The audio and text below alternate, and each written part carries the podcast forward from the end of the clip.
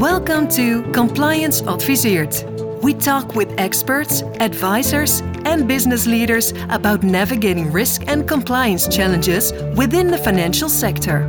Because the straight and narrow path doesn't come with GPS. We'd like to thank our partners Hyarchis, Partner in Compliance, Deloitte, and de Volksbank. Your host is Jeroen Broekema.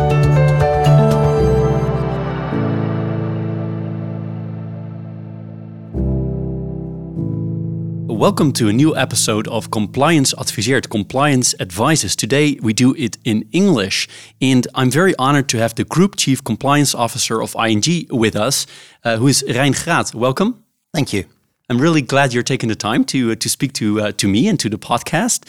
And we speak about the job of compliance officer in a fast-changing environment. And of course, we also speak about you because I'm really curious to learn more about you. And maybe that's where we could start. Maybe you could introduce yourself to the audience. Let me then take a quick flight through my uh, through my past. Trained as a lawyer, so uh, I'm a lawyer by nature. Um, I've been working also in law firms, private practice in the Netherlands and in London. Um, from there, I went into the banking environment, so into the finance environment. Always thought like, how would it be on the other side? You know, um, uh, to no longer be the advisor, but to be the owner of the kitchen. No longer being one of those cooks in the kitchen to then move on, but staying there to own the consequences and the responsibility that comes with that.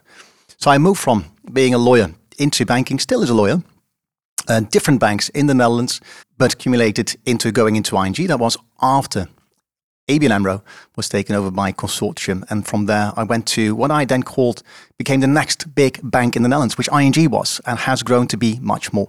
So I'm currently working at ING, started as a lawyer in that environment, moved into financial markets, in a sales role, into strategy roles, innovation roles within an environment to go back into my habit of legal in Asia as general counsel, Asia Pacific for ING.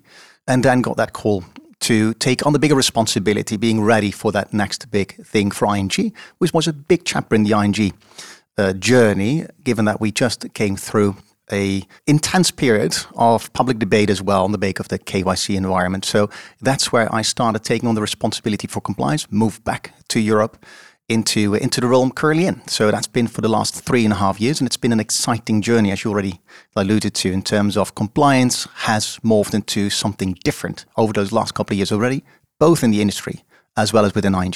Do you miss your position as a lawyer? At times it is easy, obviously, to give an advice and walk away, because to a certain extent that is always partly present uh, when you are a legal advisor. But what I love particularly most is taking that responsibility, but also owning the accountability that comes with seeing it through. And I think that is what, what compliance brings. It's also much more operational. It's also very much still legal, but there's much more decision taking judgments to be made to make things no longer gray, which lawyers tend to do. There's qualifications, reservations, and this is one way you need to own it to make it black and white. Stick to your decision, have it well argumented, and we'll probably come to talk about later on because we also have introduced what we call the Orange Code decision making model to make sure that we have integrity led decisions. You know, with our primary customer base being the foremost important piece within ING, that's trust led. That's why we own that trust to them. And I think that is what compliance brings to the organization. It's from end to end within the organization involvement and steering what I would call the tail that moves the hat. You can really, from a second line, move the maturity of the first line for them to become the second line de facto. And that was new to me. And it was also, I would say, a bit of a gamble for ING to put me in that position while never having been in compliance before. And if you then, by accident, perhaps, uh, I was lucky, perhaps even, although Ralph Hamers at the times, he was the one calling me, and obviously had discussions back then also with the CRO, currently the CEO of ING where two weeks after I was interviewed and appointed, there was an article in the, in the Financial Times indicating never hire a lawyer into a compliance position. Yeah. And so I gave Ralph a call saying like, hey, you might, you know, I might be lucky you not having read this.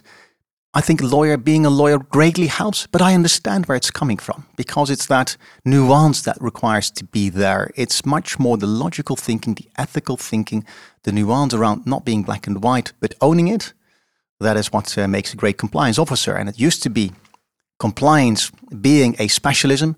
Now it's so many specialisms within compliance, even over those last couple of years. So it's been an exciting journey, one where I've made many mistakes that give me the biggest learnings. And it has been a roller coaster with a lot of fun, a lot of intense environments, a lot of intense discussions, a lot of intense days to make, but a very rewarding. Sounds like you took the right decision at the time. Also, I find this this moment where you go from from being a lawyer into a bank very interesting from another perspective because you went from the UK to the Netherlands, right? Although in a very international environment, not only Netherlands, you know, you're in many countries operating. Uh, how was that to to move from the UK here? Well, apart from the fact that you went to a bank? Yeah, that's a very good question. And, and, and one of the reasons why I went to the bank is that because I went back to the Netherlands. So when I was working at a law firm, I was heavily involved and heavily working with banks in the UK, structuring transactions, um, uh, working on, you know, negotiating the deals. And it was a very exciting, dynamic environment. And back in those days, probably it was even more the hotspot for Europe to work from a financial uh, centrum perspective. And I was the first one going to London. You know, there was a merger of my law firm I used to work for with a big UK based law firm. So I was the first one to, to celebrate that merger, if you will, and to be the ambassador for the Dutch footprint to go to London. And um, so I did that for a year, well, over a year, working over there, and I committed to come back. So I was, to, I was supposed to go and second to one of the big, you know, um, uh, investment banks and probably that's where the excitement was. And when I came back, it became more of an opinion practice, much less the deal negotiation, but much more the Dutch flavor that comes with these transactions, the SPVs, etc. And that simply excited me a bit less. So I wanted to be where the action is because I'm, you know, most energized by impact. And it also means influence and being, let's say, at times intimately involved where it matters most. And that UK to the Netherlands change also prompted me to reconsider being part of the private practice where you know much of little, and I want to know much of much. And that's the opportunity when you go into banking, for example, is that where you can have a much bigger remit for your involvement as opposed to this very specific trajectory typically on when you become a partner in a law firm. You mentioned one thing which I find very interesting. Obviously, it was a funny story as well, given you you, you told us about the the article you read, um, and you that was in the media where it stated that never hire a lawyer in a compliance position. And you already gave part of the answer, but I'd love to dive in a bit deeper, which is, you know, so what are the reasons that you know this this what was the key point of this article to do that, and also what are the reasons to actually um, having a lawyer is a great thing. Well, obviously, I, I tried to forget the article immediately. Yeah, I mean, it didn't suit me well back then. But I think the gist of the article really was that lawyers tend to be very restricted in their thinking. It's very rule based thinking. And if you look into compliance, it's much more, let's say, the open mindset that's required as well. So you're very creative, obviously, as a lawyer, don't get me wrong. Um, but that, that interpretation and that application uh, and also having that open mind in terms of from a risk-based judgment perspective that's not necessarily a muscle you train as a lawyer to own that and i think that's what the gist of that article was and it's also something we, we've trained our global population particularly in the transformation we've gone through that mindset change has been very much also dominant in our environment to move from advisor to being the owner of the risk traveling direction that means from a second line, defining where we need to go, help the first line to move into that direction materially. Because ultimately, that's where the real risk managers should be, because that's where risk taking takes place. So it's been a journey, and also in terms of culture, has been a very important component as part of our transformation program. Yeah, we'll come back to that as as well later uh, later during this interview because I'm really uh, curious to learn more. Um, but first, like if you look at it from a even broader uh, perspective from a helicopter view what would you say are the key components of how the compliance job has changed over time? Let's say you could pick any year five years ten years or longer but how have you seen it change over time? Well i think a couple of things. I think the relevance of compliance with a lowercase so compliance as an organization hence also the reliance on compliance with a capital c so the function compliance has simply materially been, let's say, uh, move north. So really increased. If there's one thing we we we, we see in the, in the in the papers as well, I mean, there's a tail risk. That's what compliance risk is all about. It's the residual risk management. So it doesn't happen often, but when it happens, it's one that does not necessarily only affect materially the reputation typically of an organization. But what you see as well is that the executive management is typically personally affected. Yeah, it's one of those things where CEOs, Yeah, you read in the papers that they are requested to look for something else, if I can put it like this.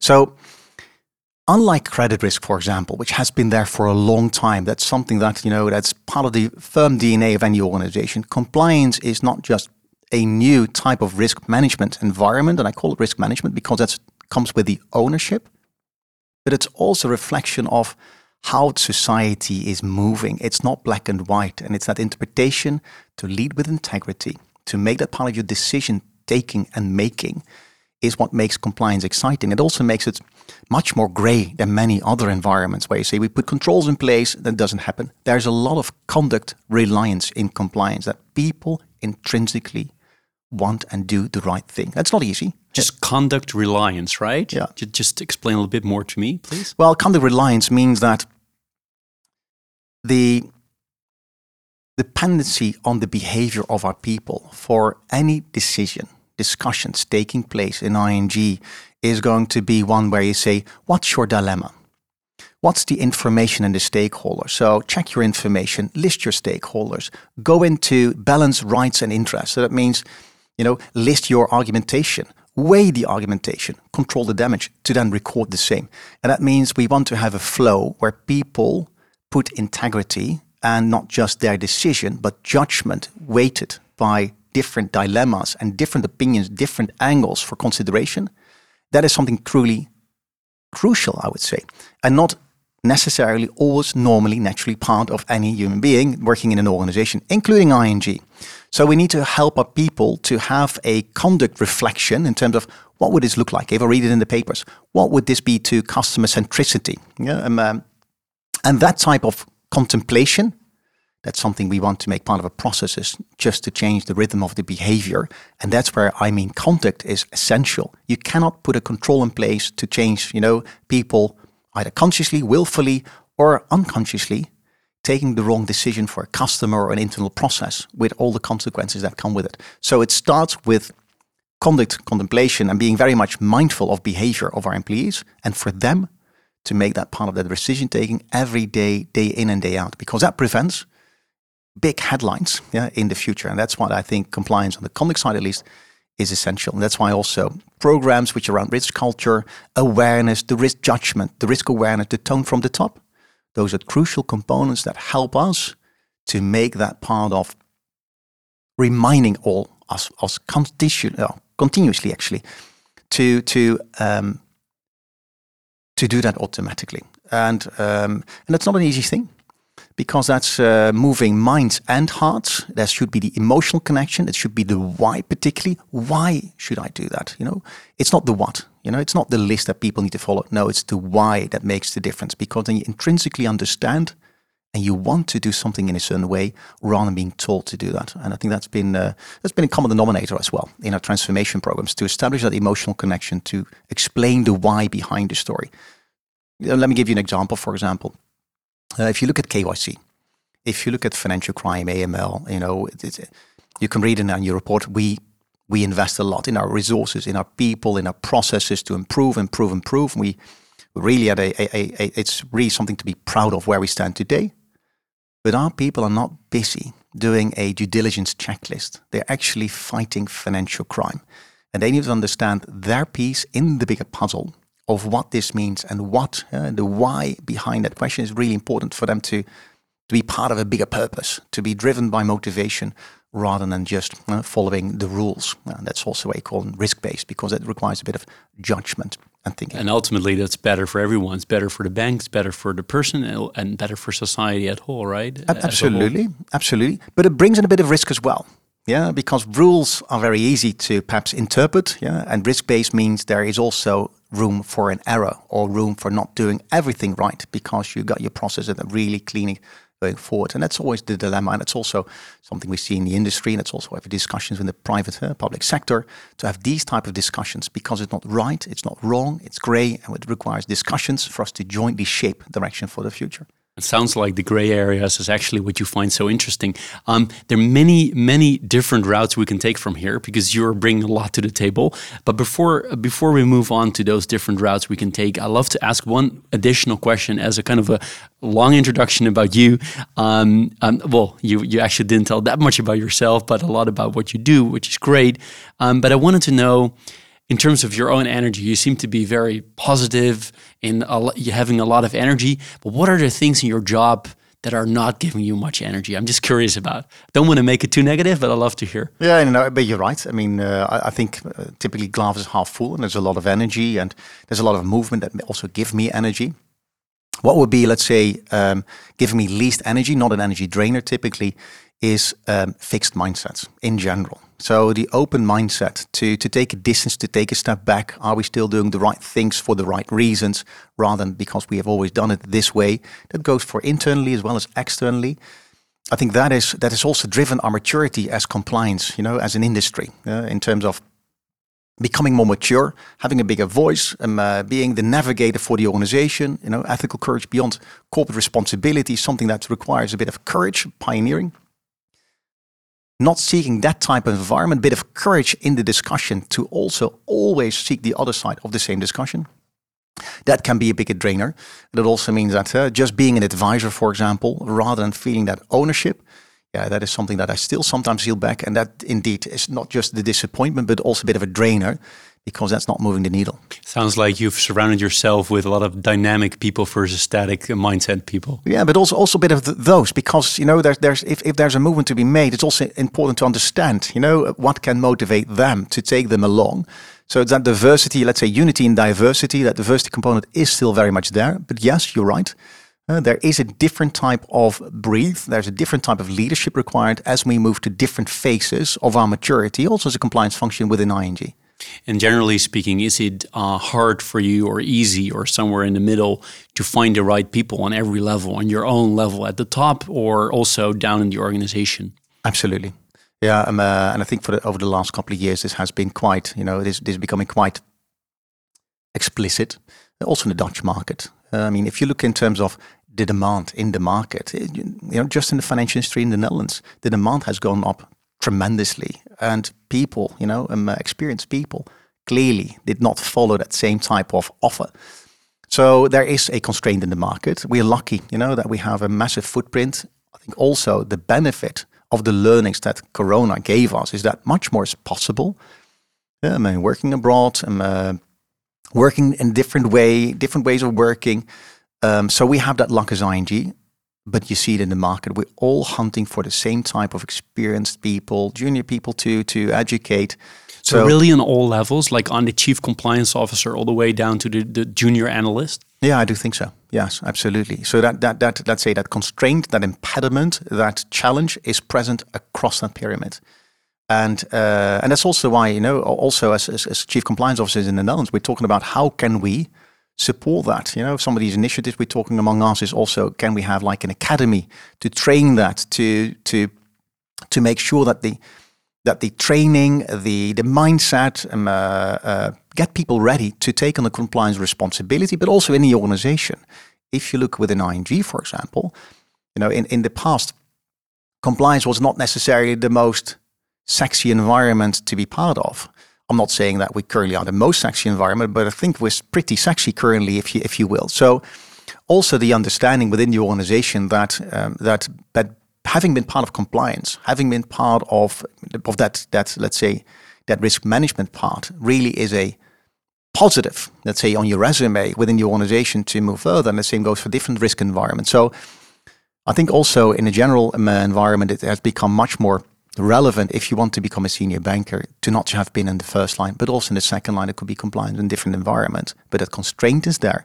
We need to do something about it. It also prompts are we doing it still in the right way? Yeah, should we do things differently that would make it more effective, perhaps also even more efficient? Uh, and we have those discussions within ING, but also in the wider industry. You're listening to Compliance Adviseert love to discuss with you the role of the chief compliance officer, which is your role. And maybe we can structure that to talk about the different stakeholders you have to deal with. because you have, I can imagine you deal with a lot of different stakeholders. You already uh, alluded to how you work with all the people in your organization, how you, align them to get certain things done. My words, but uh, you know what, what what I try to say. And first of all, I'd love to ask you your relationship to the board, because the chief compliance officer is, as far as I know, is not in the board, right? Nope. Uh, maybe in some places it is, or it's never, or it should be. No, it is. A, it is a bit of a mixed bag. So some countries have the CCO indeed as part of the board. Uh, so you've got compliance and risk. And I think in most, if not all, Dutch, you know, banks, for example, it's under the CRO typically. You know, if you would ask me, you know, is, is there a difference? I think as long as the topic of compliance is well discussed in the board, whether or not I'm physically present, that means that the CCO is physically there in terms of you know that discussion that requires taking place and the right discussion is taking place. With an ING, I am let's say very often in the board to discuss compliance. It's a reflection in terms of how serious we are about this. So it's not necessarily the formality in terms of reporting into a CRO. It's more the independence that the CCO has as well due to regulation, but also within our organization. That, for example, also includes that there is also a dotted line into the supervisory board of ING for the CCO to make sure that if there would be a dilemma uh, where CRO and CCO would not be in agreement, that at least there's a higher level where this can be discussed to sustain that independence as well. Um, obviously, I understand it's a bit delicate to ask you uh, about this because ultimately you're not. I'm not talking about you as a person uh, applying to get into the board, but more generally speaking, do you think we see a trend, maybe worldwide or in the Netherlands or anywhere, where the CCO job becomes so important that it actually gets into the board position? And again, I'm not talking about you because I no, understand no, no. the delicacy of that, but. Well, but clearly, we also have, you know, um, uh, we, we have a what we call like a CCO European network. Um, uh, it's like a CCO club with the biggest banks in Europe. We come together on a quarterly basis to discuss, let's say, I mean, policy, um, uh, you know, where we can contribute to shaping compliance with lowercase as well as discussing comparing compliance functions, for example. It is a mixed bag. Um, do we see that trend? There was a trend that it was becoming part of the board. I think currently it's, it's, it's a more, much more often than not, it's part of the CRO environment. Uh, within banking, it's typically part of risk. Within other environments, you typically see legal and compliance. That combination you don't see uh, often anymore, you know, within the European uh, uh environment. So if there is a direction, not necessarily, and it's not clear, I think is also sometimes a reflection in terms of where the organization stands. Uh, also um, uh, in Europe, sometimes when you go through remediation and the attention and the board attention requires being there, sometimes you see that appointment as well. But for compliance, I would say it's a bit of a mixed bag, 50-50 or a bit less even than that, more part of the risk. Certainly in the Netherlands, that would be. You already mentioned the uh, non-executive uh, directors and non- the, the, the non-executive board. I'm to to what extent are you very busy with that relationship or is that really a formal thing once in a quarter or once in x period of time or is this something you're really spending a lot of time on? Well i mean i, think that that's also where i can draw the link to the remark i just made. Uh, if, if you look at ing yeah if you look in terms of um, uh, our focus areas clearly uh, certain themes certain topics simply you know um, uh, trigger spotlights yeah. So when i took on this responsibility uh, there was a lot of spotlights on compliance for the organization, and also was a lot of attention for compliance as a function because we really had to go through massive transformation. So it clearly merits and prompts more discussions within the board, more discussion within the supervisory board. Um, and it also is that internal credibility. Yeah, as a function, you need to earn that credibility that you can be that navigator, that people can rely on that trust equation. So what I've seen as part of the last couple of years is that it was very intense for the right reasons uh, also very much encouraged by me because that also means it's high on the agenda. Yeah. So, and and at one stage you find a different rhythm where you know in a in a in a more business as usual type of environment we always have monthly discussions, for example, within the boards specifically for compliance. But clearly, you know, I've got many discussions during the week, be it with the CEO or be it the CRO and others or COO around compliance topics. So it's always there. It might not be specific to MBB, for example, on a daily basis or weekly basis, but that topic is being discussed continuously. And I think that's the most important one that also leave the supervisory board, for example, to really be the supervisor. And that means knowing what's happening, being informed that really something is uh, worthwhile flagging. But also, I see that interest uh, from from the chair of the risk committee, for example, where I have periodic dialogues with them, uh, not just on a quarterly basis. So I think that's a very healthy dynamics. It's a reflection in terms of compliance being a topic really on their agenda that they want to discuss. Not that I'm not that I'm forcing on the agenda, and I think that is something that uh, that is not the case everywhere in every organization, but in ours it is, and um, and I think that's really healthy. So. CRO, CCO can be next to each other. Uh, I think sometimes there's a movement towards it, but in most instances, not. But it's more about that dialogue, be it with the supervisory board. It's the influence without authority times as well, uh, that people have that interest, that people want to better understand what the dilemma is, and particularly also, you know, as in any organization, no surprises. So if something's coming up, then clearly I will inform the board and I will inform the supervisory board for them to be aware of something that uh, that that requires discussing. I think I take two key messages here in my own words. One is uh, you have clearly direct access at any time you, you need it and when you think it's important to, to share information, and the other way around as well. That's the second message that clearly it's high on the agenda of everyone. And uh, I think it's, it's uh, fair to say that the compliance officer is not a role as it has ever been. I don't know if it's ever been, but potentially it is, that is not taken seriously enough. It's clearly taken very seriously. I think it's a very good summary. Yes, indeed, taken very seriously in, in every respect, both in the discussions as well as the attention you see at all the board levels. Clearly, a lot of my discussions are also taking place at that level. But more importantly, is the discussions actually taking place at the lower levels? Because that is where risk taking takes place. That's where risk management requires taking place. And I think that is a an equal healthy reflection of that attention at the top level, the tone from the top, I earlier referred to it. You see that back in the organization. And that probably is for me even more relevant that I see that the healthy, right prompting discussion that front invited to be part of the dialogue rather than pushing ourselves on the agenda. I, I think that's the most crucial thing. Uh, I mean, um, uh, for me as a CCO, that is what I stand for. And I think that is what I, uh, what I particularly like if I look at ING for the last couple of years. That is equally present. Yeah, it makes total sense. If you have that large group, I mean, how many people work at ING Group? It must be somewhere between 55 and 60,000 people. Which underlines your point, right? If you have that masses of people with, you know, with you and the culture is right, then that prevents a lot of trouble at the uh, at the top of the compliance uh, function, I guess. Yeah, absolutely, and and then you also see the same reflection of those discussions and the interest and the involvement of compliance, for example, also in how compliance itself has grown. Yeah, so I think we're currently like 1,700 uh, people globally, around 40, uh, 40 countries.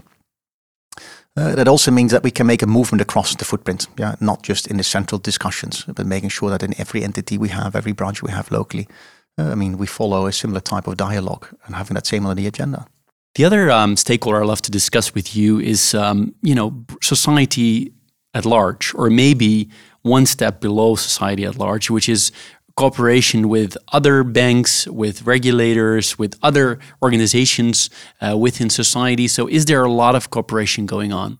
Yeah, there is a lot of cooperation. Also, huh, I mean, very mindful cooperation. So, I mean, uh, clearly, huh, from a competition perspective, there's many topics that we don't discuss. But what we do discuss uh, in the cooperation, particularly on the KYC front, for example, and it's not just within the banking industry. Yeah, there's an intense and good constructive dialogue involving the public prosecutor, the FIU, which is the Financial Intelligence Unit, the police, the DNB, the AFM. Uh, I mean, uh, all stakeholders relevant for us to collectively team up. Yeah, it's it's you know the individual impact that we can have, particularly in that environment, is very difficult to achieve unless you team up to really, let's say, have an end-to-end view. You know, it, it takes a network to find a network. And um, and I think that's something that you see, particularly see recognized and understood in that environment. Um, and that requires a lot of, I would say, proactive thinking. Uh, that still, for example, respecting sensible privacy, yeah, but still in a way that AML and fighting financial crime and that we take out criminals out of the system is something that you can only do collectively because we see only a small part of a bigger puzzle. And in order to see that picture, that's part of that puzzle, you need to work together. And uh, and I think that's where you particularly see the not just the effort, but the upside that collective thinking and collective working brings to the table. And I think we should do more of that because ultimately it's about impact. Yeah, it's about doing the right thing in, uh, in the in the right way, not just within ING, but for the bigger society.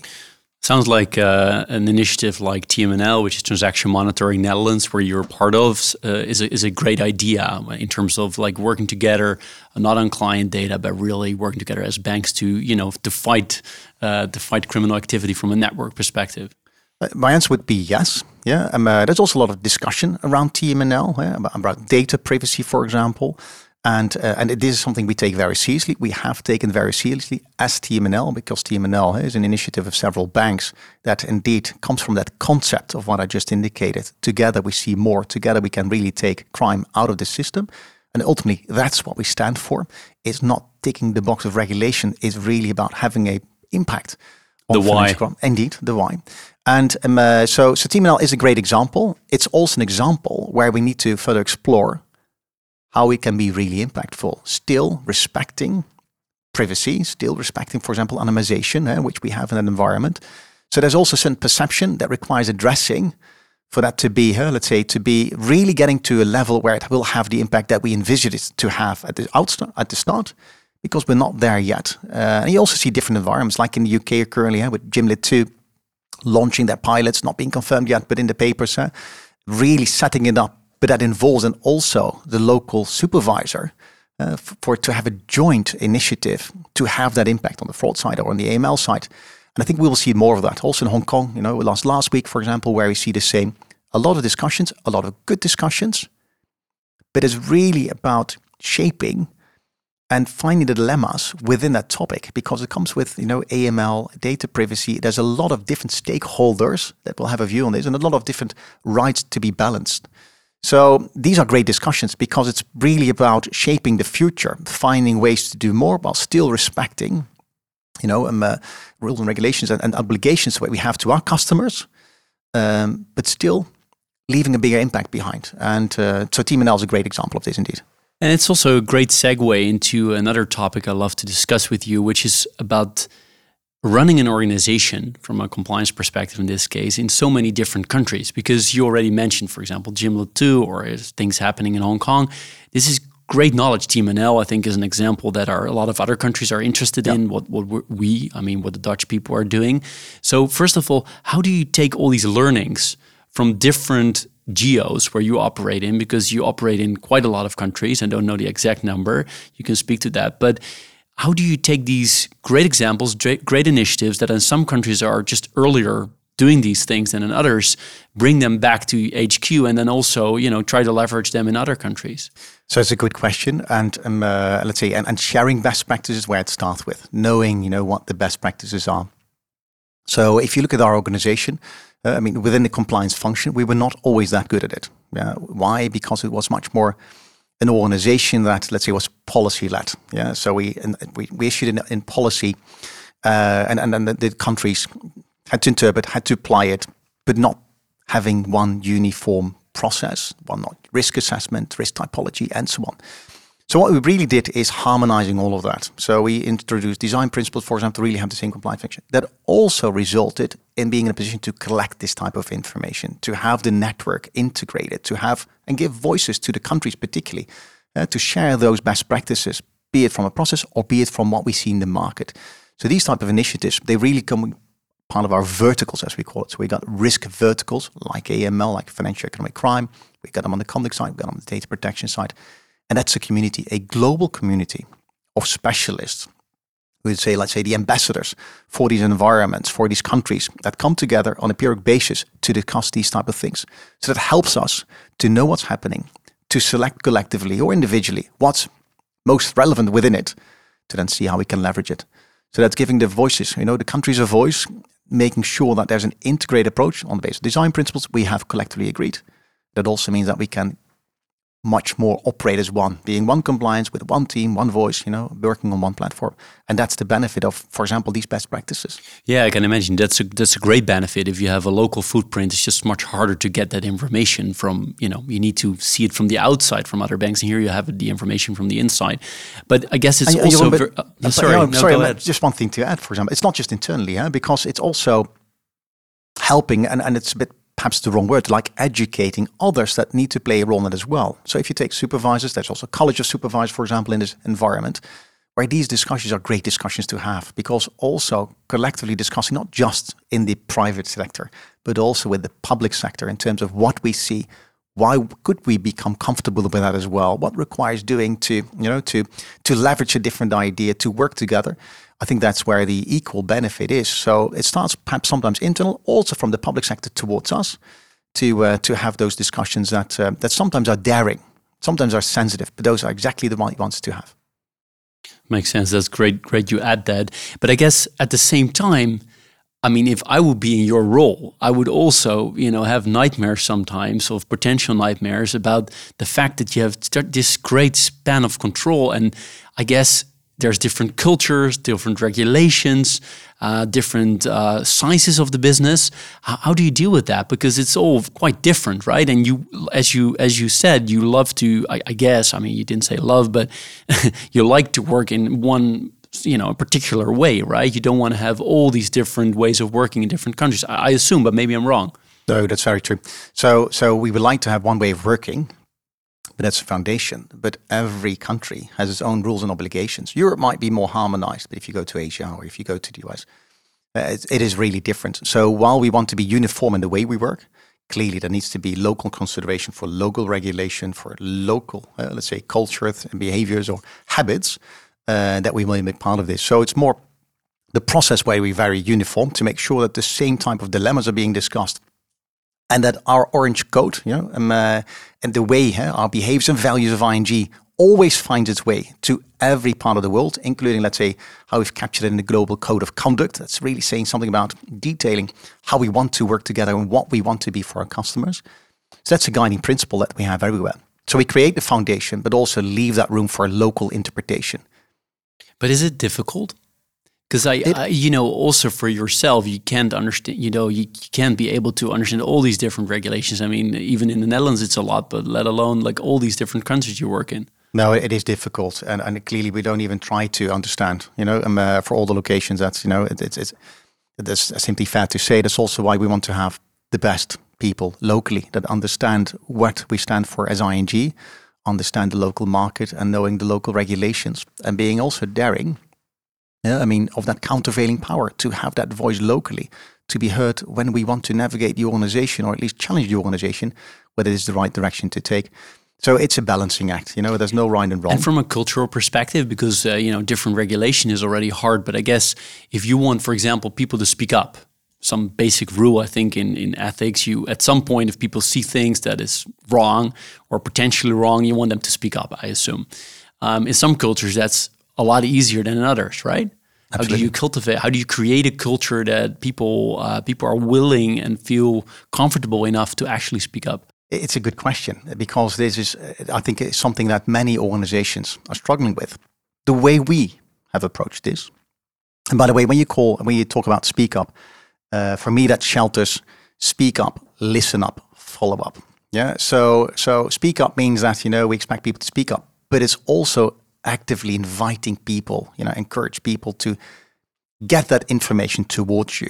Yeah. And that's also that tone from the top I earlier referred to relevant. So how we've gone about the speak up, listen up, follow up is that also to really be focused on this a reflection of how important we feel this is, is that I mean I was the chair of what we call the risk culture program. Yeah, so it's really all about, uh, I mean, this topic. Yeah, how can we encourage getting the right signals from the organization, having the right discussions locally, um, for people to be comfortable having those discussions, even if they're, let's say, living in a country which is typically more hierarchical. Yeah, and um, and clearly, I mean, we should not be naive about that. So, as an organization, giving them the tools yeah, introducing processes that automatically give that a voice, but also, for example, having initiatives around risk champions. Yeah, the board, and by the way, the risk culture program really is now led by a first line board member. That gives you know a reflection of how important we feel this is, and also encourage others uh, to follow different initiatives underneath it, many different, but also, for example, risk champions. Yeah, we champion those people that went beyond, that have you know that really stepped up, spoke, spoke. Um, uh, you know, um, uh, be it on the second line or be it in the first line, and just celebrating that, you know, celebrating that component of being conscious about the risks, acting towards it, speaking up about it, you know, and and and and seeing that through and following up on it. That is something that we give explicit attention. So, from a cultural perspective, you work in many different countries, you operate in many different countries. So, do you see cultural differences that really matter from a compliance perspective? Yeah, we do see those differences, uh, I have to admit. So, when you look at cultural differences, clearly, while we have a foundation where we all want to bank on, huh? I mean, um, uh, the ING behaviors and values and the code of conduct, still, there is cultural differences. Still, there is a difference, and still, people are born and raised in an environment that will define them. If we look at compliance, if we look at countries, one of the things that we simply actively gave consideration is, for example, where even even my time in, in Asia, uh, where you really see that people have the inclination to only share the problem when they have the solution. There's a time lag that comes with that. That's a that's an environment. Let's say there's a time frame where you cannot help them to come up with the right solution. So making sure that people are comfortable sharing the solution or at least sharing the problem before giving the solution, and that we know they're going to do the right things. Yeah, that that is something that that I've seen much more previously than I see today.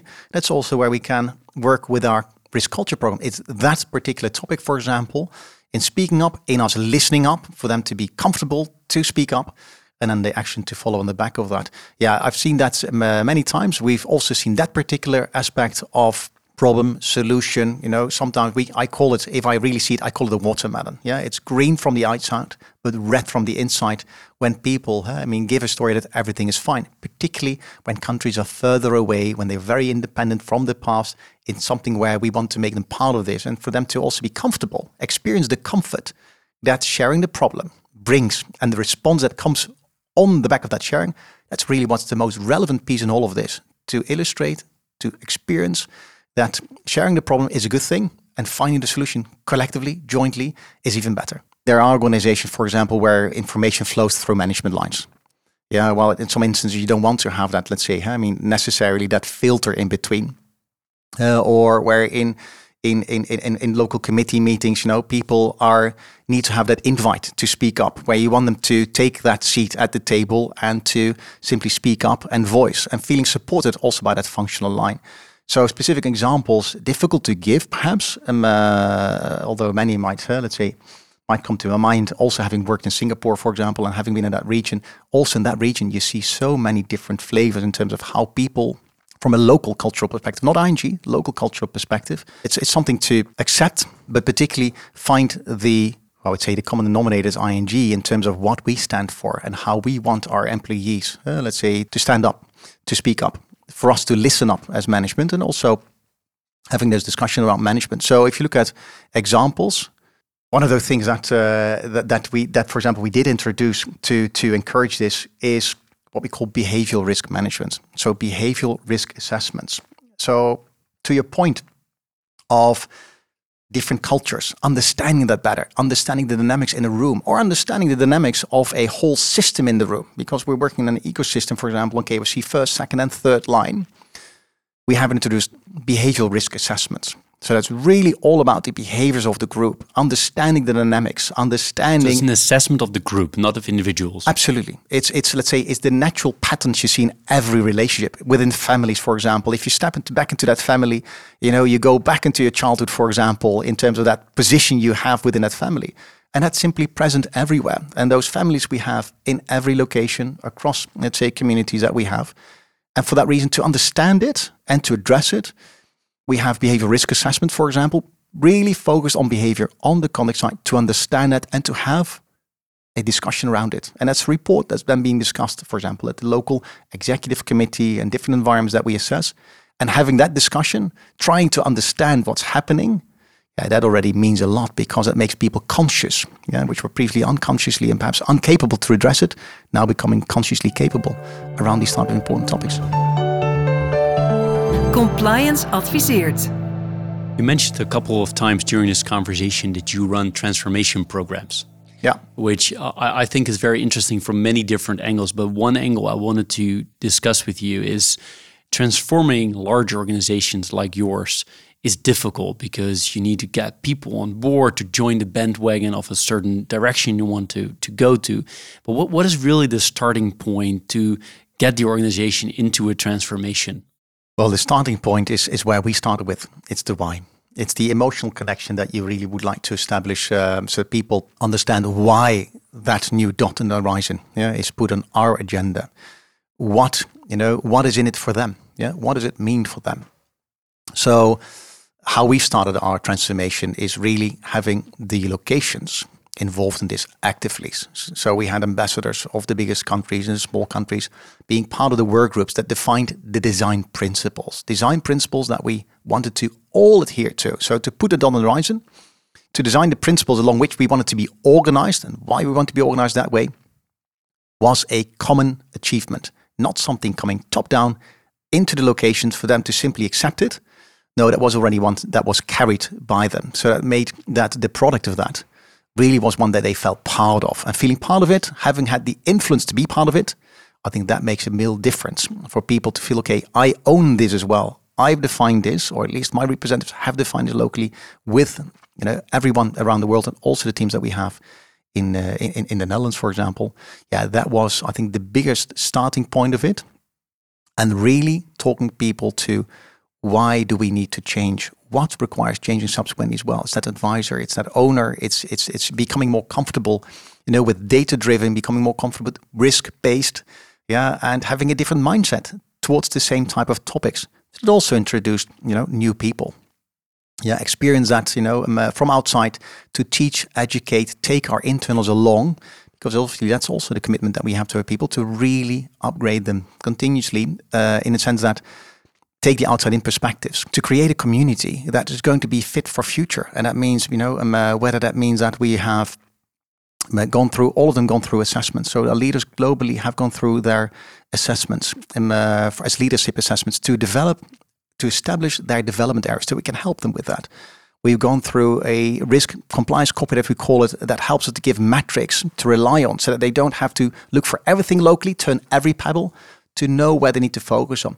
So, in terms of transformation, design principles, starting with involvement, well, let's say consciously, really well meant involvement in terms of we want you to be involved, we want you to have a voice, and we actively listen to this and we follow up on it, as we just discussed. I think that has been crucial. Uh, what did help, by the way, for the for perhaps pretty strangers is Corona because it also gave us the opportunity to directly reach much more people it's fair to say that in the past we were much more the traditional communication uh, through the lines into the rest of the world, while now we have town halls, ask me anything sessions, webinars where everybody can participate in. Everybody has a voice at the table, whether you just joined ING as a fresh from college or you've been with ING for 20 years and a super senior specialist, doesn't matter. Yeah, all of them have that seat at the same table. And I think that is something that, uh, that really has established to build that community that people felt being part of because they really felt part of being part of a country. And now they, I know, um, uh, dare to say, I have to say, they also really feel part of one compliance of that family. And, and that really has changed a lot uh, because now we're thinking in collective rather than in local interest only. And that's always about reasonable compromises.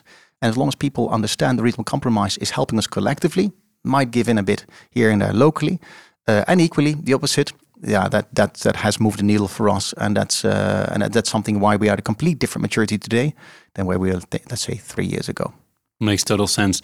A couple of last questions uh, uh, to to wrap this podcast up. Although there are many other areas we could you know we could go into, but um, one follow up on this one because I think it's super strong that you start from the why, right? Because if people understand why you're doing something, then you want to do it intrinsically instead of it's forced upon you or anything else.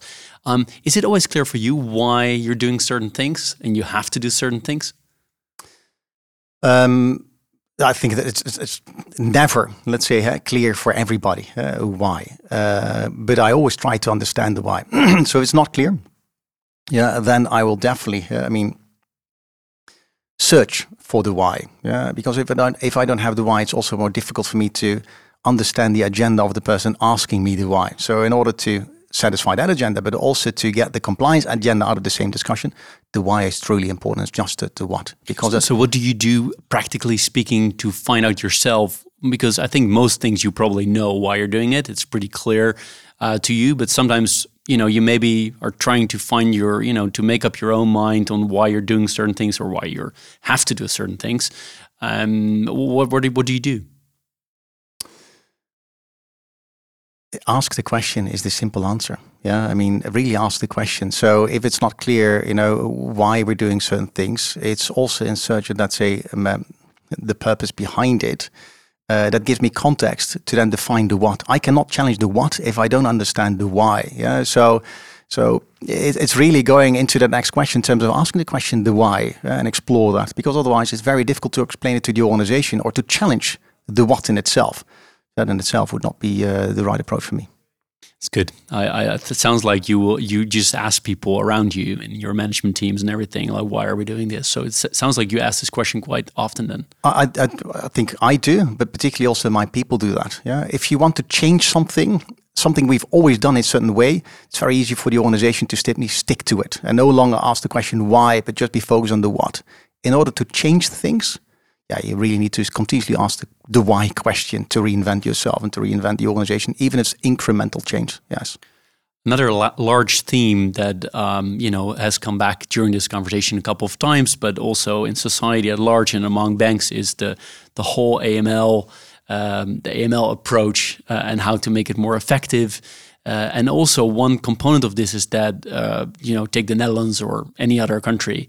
Um, around 13,000 people are working in this field uh, only in the Netherlands, and the same numbers, you know, in relative terms to to other countries. The same story. Will you think this stay like that, or can we can we probably at some point go back to a situation that we have only maybe in the Netherlands a few thousand people working in this field? What, what's your opinion on that? Well, um, to start with, I don't think it's about the numbers. Yeah, it's about the impact. It's about the effectiveness, and and, and ultimately that will influence numbers um, uh, because obviously there's a bit of a loaded message in what I'm saying. And what I'm trying to say is that if, where we're coming from is rule based. Yeah, that's how we grow up. That's how we internally grew up. That's how supervisors grew up. It's also how law probably requires us to behave. So in order to to to to change, you need to really rethink the why. What are we trying to establish here? And that's you know simply leaving really big impact on fighting financial crime. So that requires you to be more risk based. If you want to be focused on, let's say, if you want to go spear fishing, uh, knowing where that fish is rather than being, let's say, this trailer or this trotter on the sea with the nets out, also means that you need to accept that you will not look at everything. So, in terms of moving into the future and being more effective about it, yes, I do think that it will be more effective. It probably will be also more efficient, so lower numbers on the back of that. Uh, and those are the healthy discussions we're currently having. You know, and the DNB is progressing, the, the NVB is definitely progressing. We're all contributing to it but it needs to pick up in pace and it needs to pick up in being comfortable within that discussion. It's very difficult if you come from a different environment to change that overnight. So it will take some time. But the numbers, I'm sure, will be different. If you look at TMNL, if you look at you know initiatives, really we can do so much more when we're going to share information, when we're going to be focused on criminals with a bigger capital C, rather than needing to check everything. Let's say treating everybody as a criminal, if you will, through our transaction monitoring systems, individuals, banks. Clearly, that will have a positive impact in terms of efficiency, but more importantly, it will have an impact on effectiveness. And that's what this is all about. Clear. I mean, very clear theme in this podcast is the why. Um, last two questions from my side. Um, one is um, we've asked every single guest on this show do you have particular tips for either your fellow uh, chief compliance officers or other people in the compliance field? Well, well, tips. Uh, I think for me, um, uh, one of the things that really has always helped me is to keep that open mind. Yeah, but more importantly, is is be willing to for the need for the parachute. And with that, I mean the following: it, it when I say about ethical courage beyond corporate responsibility, clearly there's sometimes also a message that not everybody is yet ready to hear. So as a CCO, you do not just have the obligation to make sure that we obey to rules and regulations, but also to navigate and to shape the ethical part, the integrity part. And typically that is not yet captured in rules and regulations because they always follow the music. So they capture a change in society, which is always lagging behind. So in order to be ready for the future, that voice requires hearing. And for me, uh, it has helped me to really be in different positions before I became the CCO of the organization to have a better understanding of different agendas to understand the first line, the second line, you know, coming from a legal background. So try different things, give yourself different perspectives, and particularly be willing to risk your position, if you will, by speaking up. Yeah, um, uh, be that independent voice, and I think that's really important. That independence of being the challenger and being the mirror for the organization that requires, you know, being comfortable in doing exactly that. Sounds like you should not be afraid. It's exactly that. Yes. Wonderful last question from my side is there anything you would have loved to share here or I should have asked you, or anything else you would love to to bring here to this to this podcast episode before I will thank you for your great for this great conversation. But I will come back to that in a second. Well, I mean, if, if there's anything, I, I, think what what you've seen within compliance as an industry is that it's really maturing, and the beauty of, the, of maturing is that you can really, let's say, shape and create. And that shaping and creating is also learnings from other environments that have matured. And I think that is something that uh, that that we also see in the industry, that we also see within ING.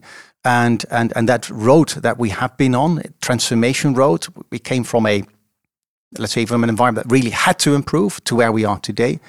I think that ability to define where we become who you are, yeah, and, and becoming who you are in terms of being a function uh, where the tail that moves the head, um, it's not something that that that's a that that requires being said, but it's the movement that you orchestrate within the organization, and that movement is one where you move the maturity of the organization, particularly from a second into a first line. I think that is something that uh, that that that transformation component. Perhaps we didn't touch enough upon it, but that is one that uh, yeah that that is, that is close to my heart. And and again, going back to energy, that gives me a lot of energy. That impact that we can have for the organization for the right reasons, for the better. Wonderful. Well, that energy is exactly where I want to thank you for, and all the stuff you've brought to this conversation. It's really, really great, and you're very eloquently discussing all these different topics from all different angles and directions. So, I want to thank you for that, for taking the time to talk to uh, Compliance uh, Adviseert. It was, uh, uh, was a very, very interesting and uh, nice conversation to have. So thank you very much for your time. I'm pointing at it right now, but listeners can't see it. But I'm going to give you a small present to thank you for uh, for taking the time. And uh, I hope to have you back at some point at the show to see where you are at that point, maybe in two or three years or anytime you're you're willing to to join uh, this this podcast. So thank you so much. Thank you for having me, and I love to be back. Thank you. You've been listening to Compliance Adviseert, made with the help of Hyarchis, Partner in Compliance, Deloitte, and the Volksbank. Would you like to know more or leave us a comment? You can do this on our LinkedIn page. If you follow us there, we'll keep you up to date with our new episodes. We'd be grateful if you could leave a review and tell others about this podcast. Also, don't forget to check out the other podcasts on our channel. There's bound to be something for you.